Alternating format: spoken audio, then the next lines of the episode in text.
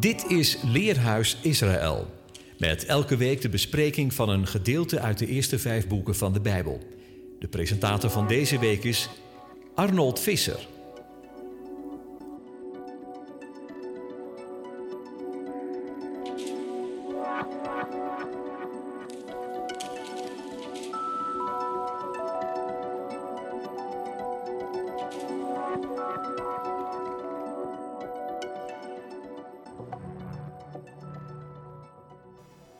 Beste luisteraars, hartelijk welkom bij weer een uitzending van het Leerhuis. Vandaag staan we stil bij de parasha Kitavo. In het Hebreeuws betekent dat voor als je binnenkomt. We lezen dat terug in Deuteronomium 26 vers 1, waar staat en wanneer u in het land komt, dus wanneer je binnenkomt, het land dat de Heer uw God u als erfelijk bezit geeft en u dat in bezit neemt en erin woont, moet het zo zijn dat u van de eersteling neemt, van alle vruchten van het land, die u binnenhaalt van uw land, dat de Heer uw God u geeft en u moet die in een korf leggen. En naar de plaats gaan die de Heer uw God zal uitkiezen om zijn naam daar te laten wonen. De lezingen die we betrekken bij de parasha komen uit Deuteronomium 26, het eerste vers, 29 tot 8. De Haftarah-lezing is uit Jesaja 60 en het Tweede Testament geeft ons het gedeelte van Lucas, Lucas 24, 44 tot 53, waar onder andere de hemelvaart wordt beschreven. De Israëlieten staan aan de oever van de rivier de Jordaan en Mozes geeft de aanwijzingen aan het volk wat ze wel en niet mogen wanneer ze in het beloofde land zijn aangekomen. Het land zal heel vruchtbaar zijn wanneer er geleefd wordt volgens de wetten en de regels van Yahweh. De eerste opbrengsten van het land moeten aan de priester worden geschonken, die deze offergaven voor de eeuwige zullen aannemen. Vervolgens lezen we over het aanbieden van de tiende. Het vervolg van de parasha is gewijd aan hetgeen door Mozes aan het volk wordt verteld over het ontvangen van zegen bij het volgen van de geboden en verordeningen en de vloek bij het daarvan afwijken. De reeks vervloekingen heeft de naam toch aga gekregen, wat staat voor vermaning. Dit is het langste hoofdstuk van de hele Torah. In sommige synagogen is het gebruik dat diegene die dit moet lezen niet met name wordt genoemd en dat het zachtjes wordt voorgelezen met zachte stem vanwege de ernst van de vermaningen. Het woord tavo van de parasha komt van het werkwoord bo, wat staat voor komen en binnengaan. In het woord zien we de alef en de b terug, wat staat voor ab, vader.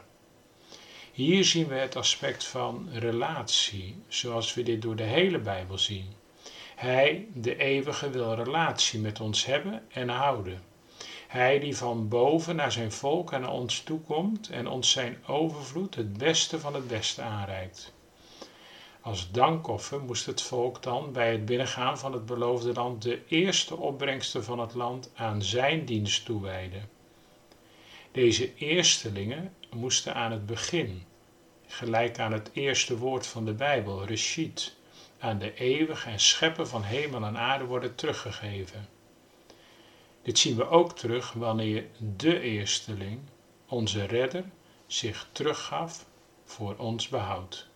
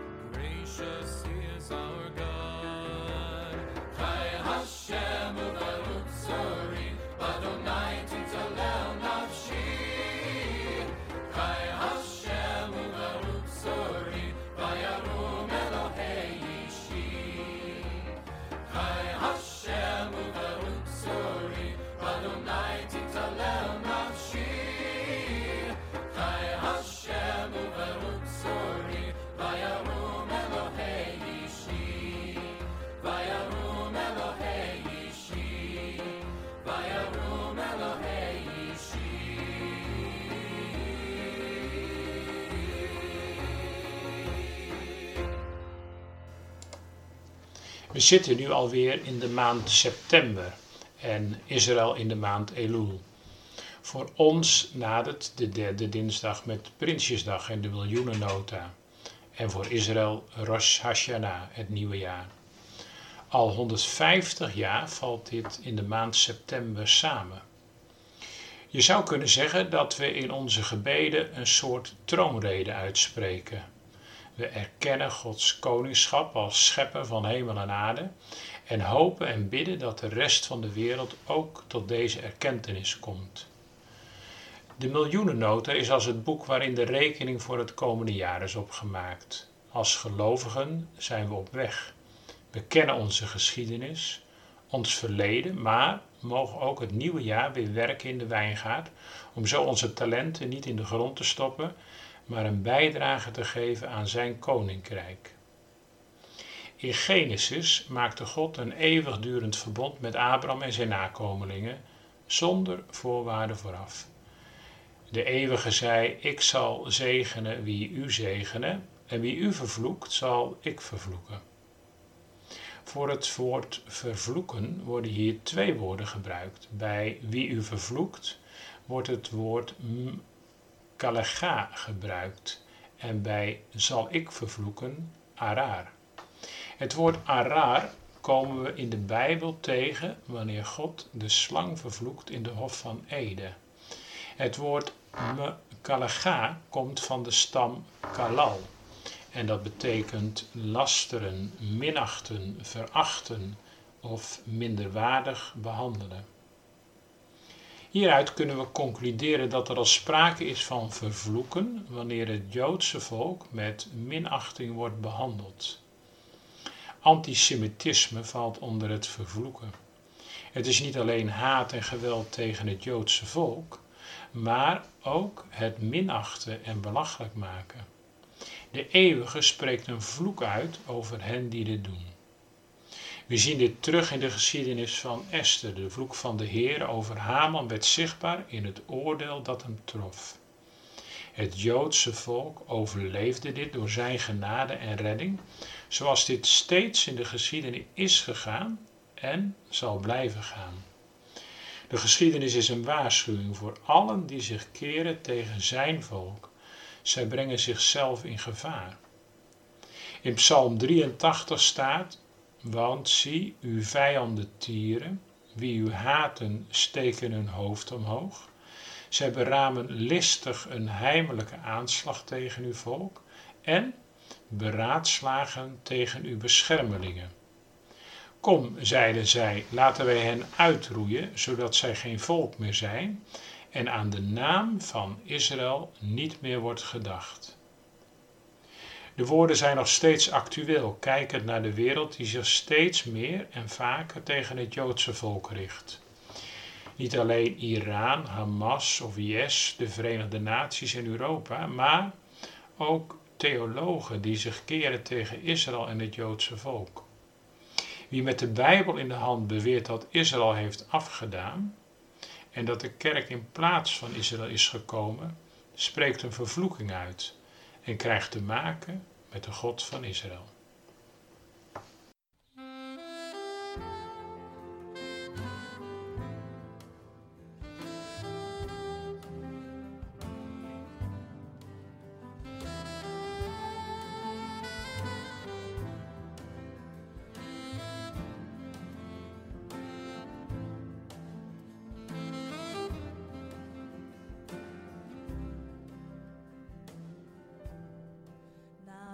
Gods hoog verheven troon is iemand die steeds voor mij pleit.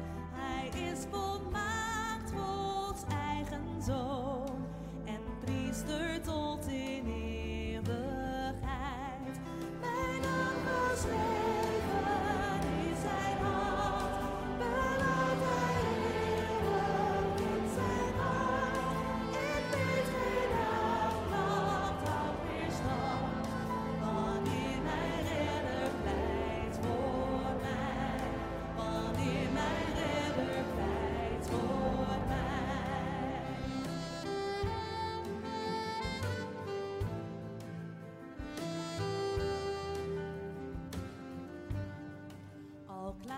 de Satan mij steeds aan, terwijl hij wijst op al mijn schuld. Ik kijk omhoog en zie hem staan, die alles voor mij heeft vervuld. Omdat hij al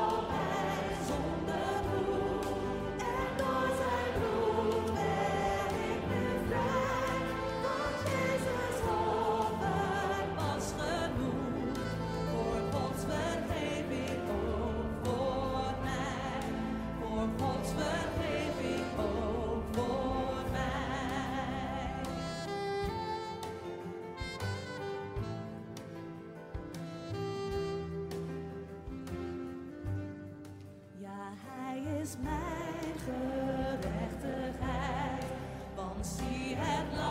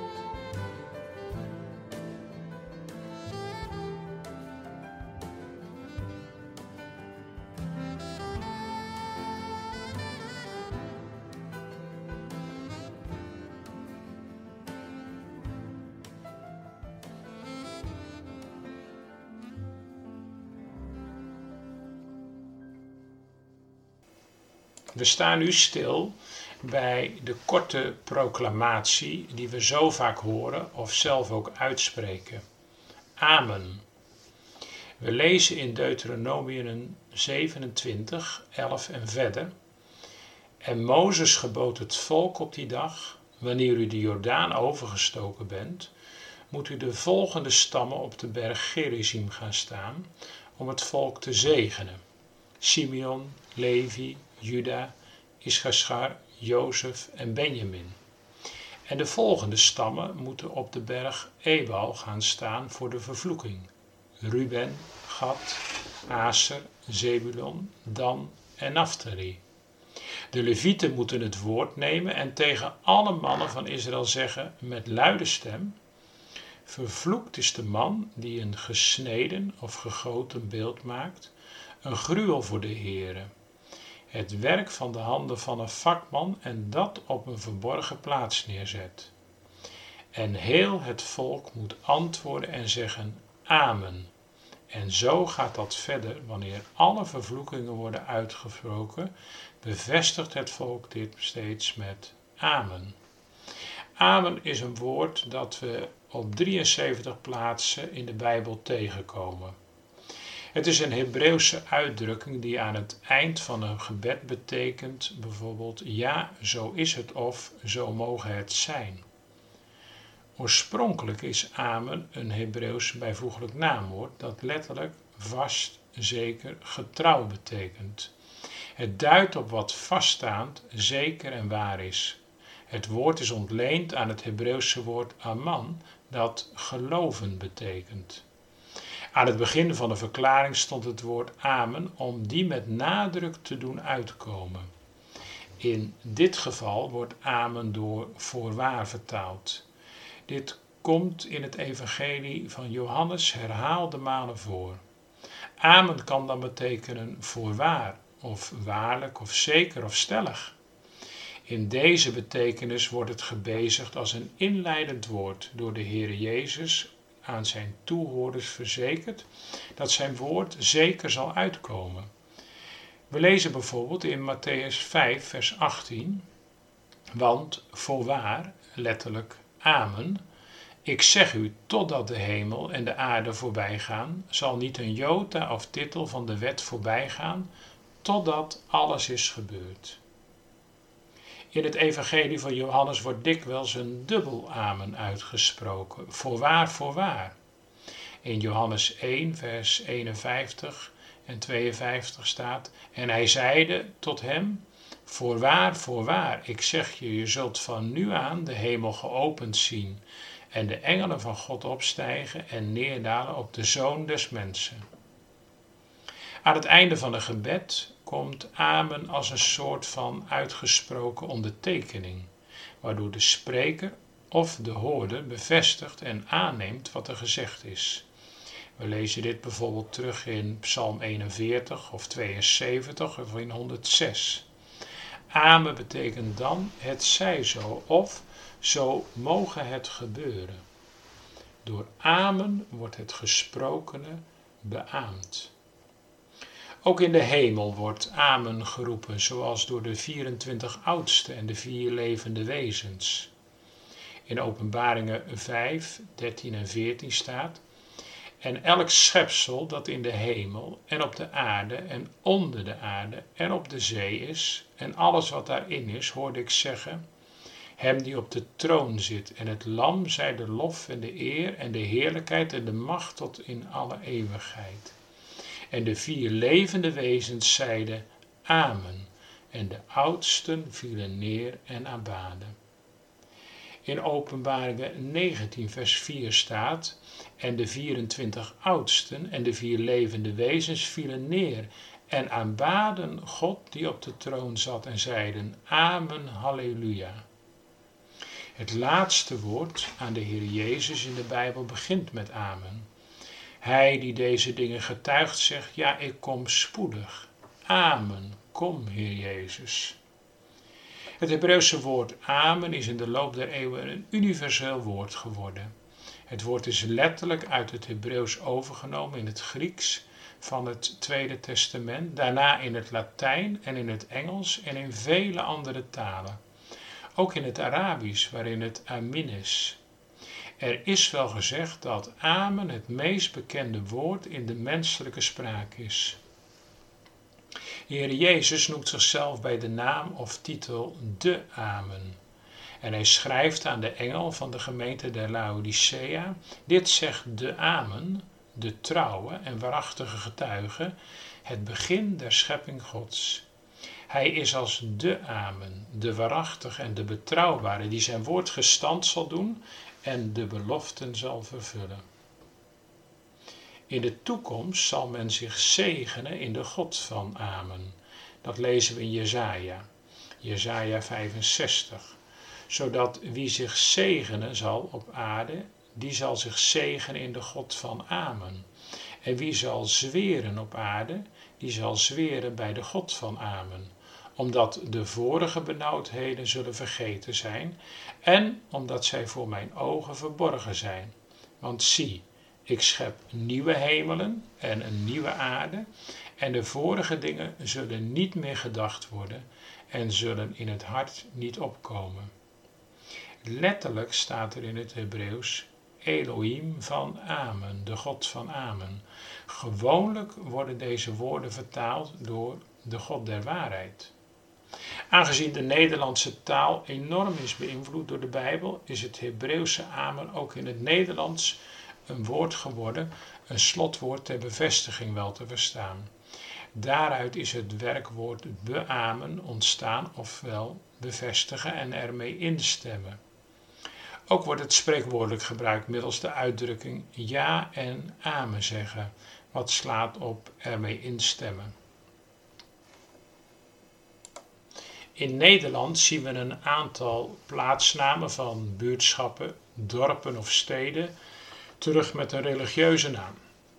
Vaak blijkt de oorsprong van zo'n naam niets met de Bijbel van doen te hebben en is de plaatsaanduiding een verbastering van een oud-Hollands begrip of woord. Bijbelse begrippen waren voor de meeste mensen bekende kost en een associatie is snel gemaakt. Zo kennen we in Nederland het buurtschap Tien Geboden of Tempel, Hoogkana, Bethlehem, Elim. En tegen het West-Friese Workum aan ligt de hel, waar vroeger buurtschap de hemel dichtbij lag. Geloof het of niet, in de hemel kwam je via een smal modderpad en naar de hel liep een brede weg. Tot slot een buurtschap van ongeveer 100 inwoners met een naam die klinkt als een klok. Dat is Amen, een dorpje in Drenthe, vlakbij voormalig kamp Westerbork. Amen heeft een bloeiend verenigingsleven en eigenlijk alles wat het tot een hechte gemeenschap maakt. Eén ding ontbreekt echter: een kerk. In een plaatsje met een dergelijke naam is dat eigenlijk een godsbe. Bij Amen denk je natuurlijk het eerst aan iets religieus. Amen als het slotwoord van een preek, amen als bevestiging, zo is het. Maar voor de betekenis van deze plaatsnaam moet je niet in de Bijbel zijn. Amen komt van aam of eem, dat Waterloo betekent. Het riviertje, de Drentse A, werd op oude kaarten wel als de Ame aangeduid. Ame staat dus voor een nederzetting aan het water. Een kerk is er dus niet, ook nooit geweest. Voor de zondagse dienst moet je naar Rolde, waar Amen samen met een aantal andere plaatsen kerkelijk ondervalt. Bijzonder is dan wel dat aan het einde van de preek niet het amen klinkt, maar zo mogen het zijn. Waarop de gemeente dan eenstemmig antwoordt met amen. Ik wens u toe dat u in alle omstandigheden mag vasthouden en ja en amen mag blijven proclameren op de Elohim van amen. Shabbat shalom.